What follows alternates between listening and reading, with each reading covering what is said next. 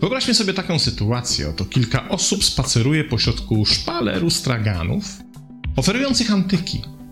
Straganów jest ze 30, ale tylko przy jednym z nich stoją trzy osoby zainteresowane oglądaniem oferowanych tam przedmiotów.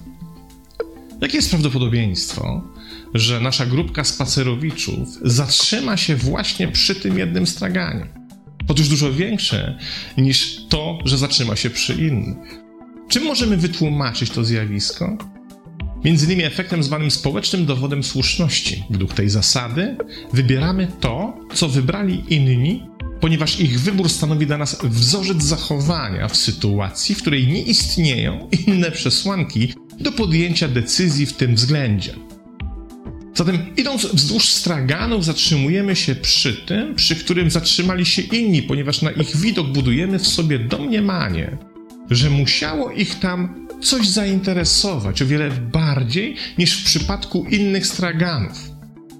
Zatem z jednej strony chcemy zobaczyć, co ich tam tak zainteresowało, a z drugiej oszczędzić sobie sytuacji, w której jakaś okazja czy szansa umknie nam sprzed nosa. Bo jeśli by się okazało, że na tym konkretnym straganie możemy na przykład nabyć coś po super okazyjnej cenie, to przecież szkoda by było nie skorzystać. Zwróćmy uwagę na konsekwencje tego typu zachowania. Kiedy posługujemy się społecznym dowodem słuszności w podejmowaniu decyzji, jednocześnie powierzamy decyzję co do tego, czy powinniśmy z czegoś skorzystać, w zupełnie obce ręce. To tak, jakbyśmy jednocześnie bezgranicznie zaufali ludziom stojącym wokół tego jednego straganu, że na innych straganach nie ma niczego, co mogłoby nas zainteresować. W ten sposób popełniamy dwa błędy jednocześnie. Po pierwsze, rezygnujemy ze swej autonomicznej indywidualności na rzecz innych.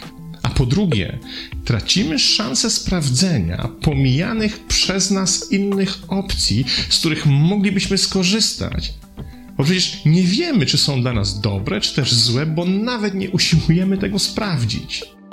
A teraz przyjrzyjmy się innej sytuacji. Przeglądamy sobie internet w poszukiwaniu konkretnej wiedzy.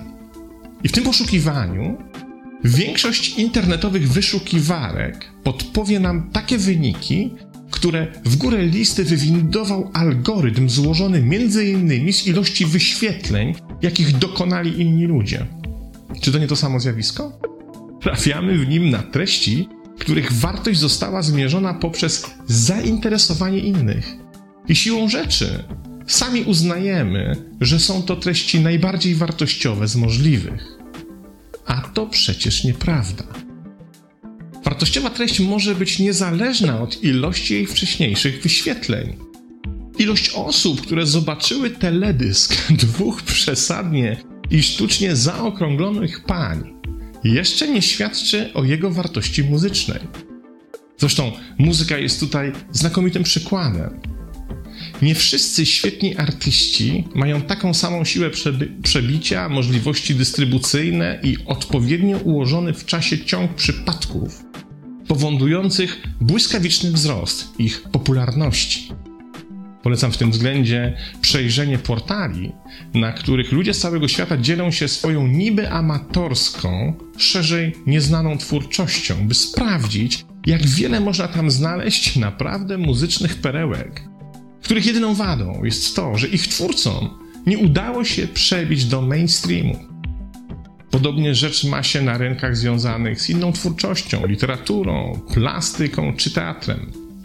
Dzieje się tak, bo mainstream nigdy nie jest zainteresowany czymś, co się dzieje poza nim. A jednocześnie został pomyślany tak, że popularność wcale nie musi iść w parze z talentem. I tutaj aż się prosi o przywołanie słynnego eksperymentu zorganizowanego przez dziennikarzy The Washington Post na początku 2007 roku, do którego to eksperymentu zaproszono wirtuoza skrzypiec o międzynarodowej sławie Joshua Bella. Kilka dni wcześniej ten genialny skrzypek wypełnił po brzegi salę koncertów symfonicznych w Bostonie z biletami po 100 dolarów. Teraz stanął między drzwiami a śmietnikiem, tuż przy wejściu do waszyngtońskiego metra, by o 8 rano odegrać cały 45-minutowy koncert skrzypcowy. W późniejszym sławetnym artykule The Washington Post pod tytułem Perły przed śniadaniem można było przeczytać szczegółowy opis tego wydarzenia. Leonard Slatkin, dyrektor muzyczny Narodowej Orkiestry Symfonicznej, zapytany o reakcję publiczności, był przekonany, że nawet nie wiedząc, kim jest tak naprawdę skrzypek, to co najmniej 10% osób zatrzyma się, by posłuchać muzyki i doceni, z jak wielkim talentem mają do czynienia.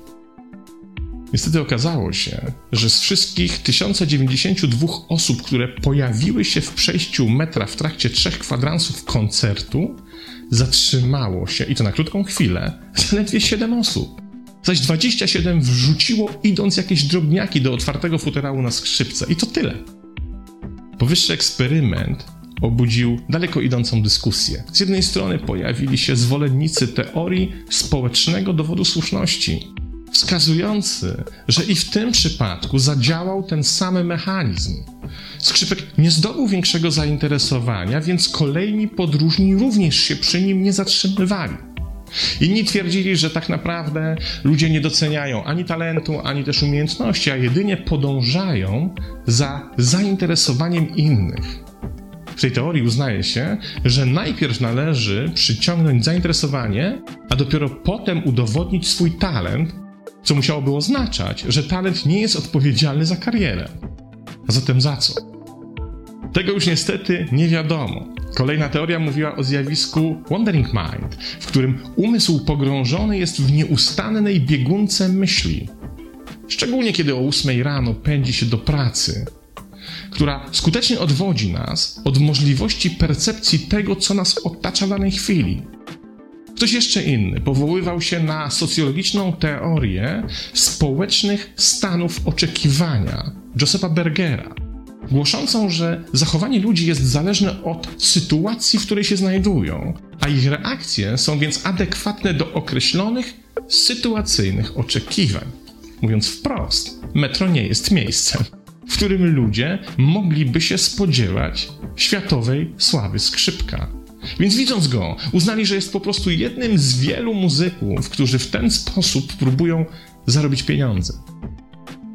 Gdyby tego samego skrzypka zobaczyli w filharmonii, w trakcie koncertu, to ich oczekiwania byłyby inne, a zatem również inaczej by się zachowywali.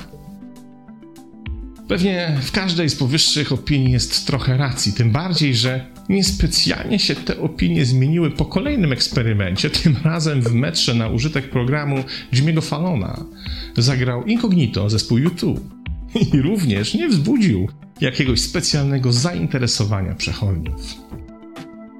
Jednak to, co dla mnie najważniejsze w tych eksperymentach, to smutna konstatacja na temat tego, co jako społeczeństwo jakiś czas temu utraciliśmy. Chodzi mianowicie o ciekawość, zainteresowanie tym, co się wokół nas dzieje.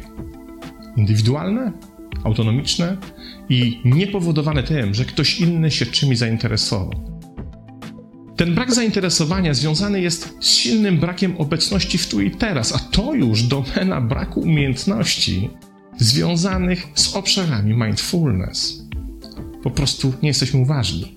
Biegniemy przez życie ze wzrokiem wlepionym w telefony komórkowe i głową pełną szalejących myśli. Są tam przekonania, wartościowanie, oceny, zmartwienia, trochę lęku i stresu, trochę nadziei i planów, a wszystko to w cały czas bulgocącej zupie cywilizacyjnego pędu.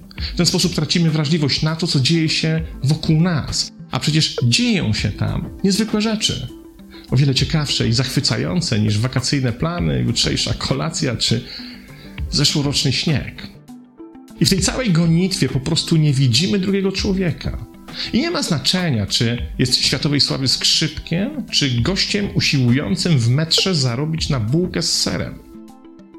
Ten brak umiejętności dostrzeżenia drugiej osoby, tego co robi, kim jest, co ją zaprząta i po co robi to, co robi, wpływa negatywnie na nasze życie, co widać w jakości relacji, które usiłujemy budować.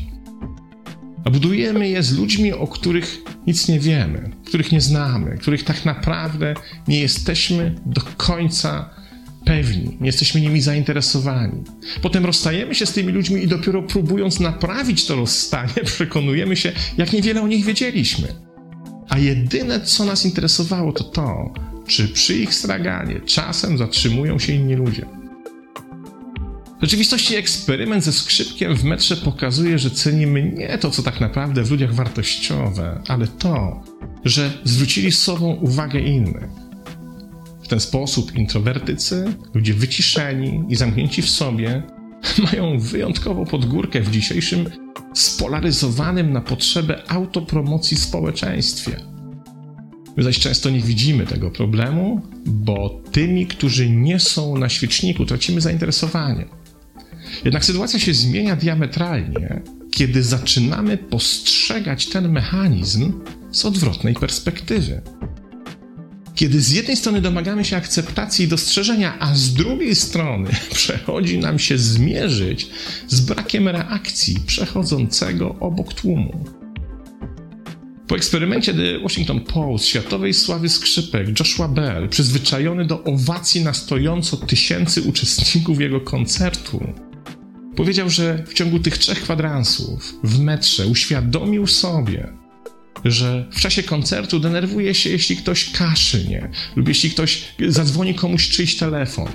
Grając w metrze odkrył, że jego oczekiwania szybko się zmniejszyły i z minuty na minutę zaczął doceniać każde dostrzeżenie. Nawet niewielkie spojrzenie w jego stronę i poczuł wdzięczność za każdego wrzuconego do futerału na skrzypce dolara. Czy postawienie się w sytuacji Joshua Bella nie otwiera czasem na powrót naszej wrażliwości na innych ludzi? Pozdrawiam.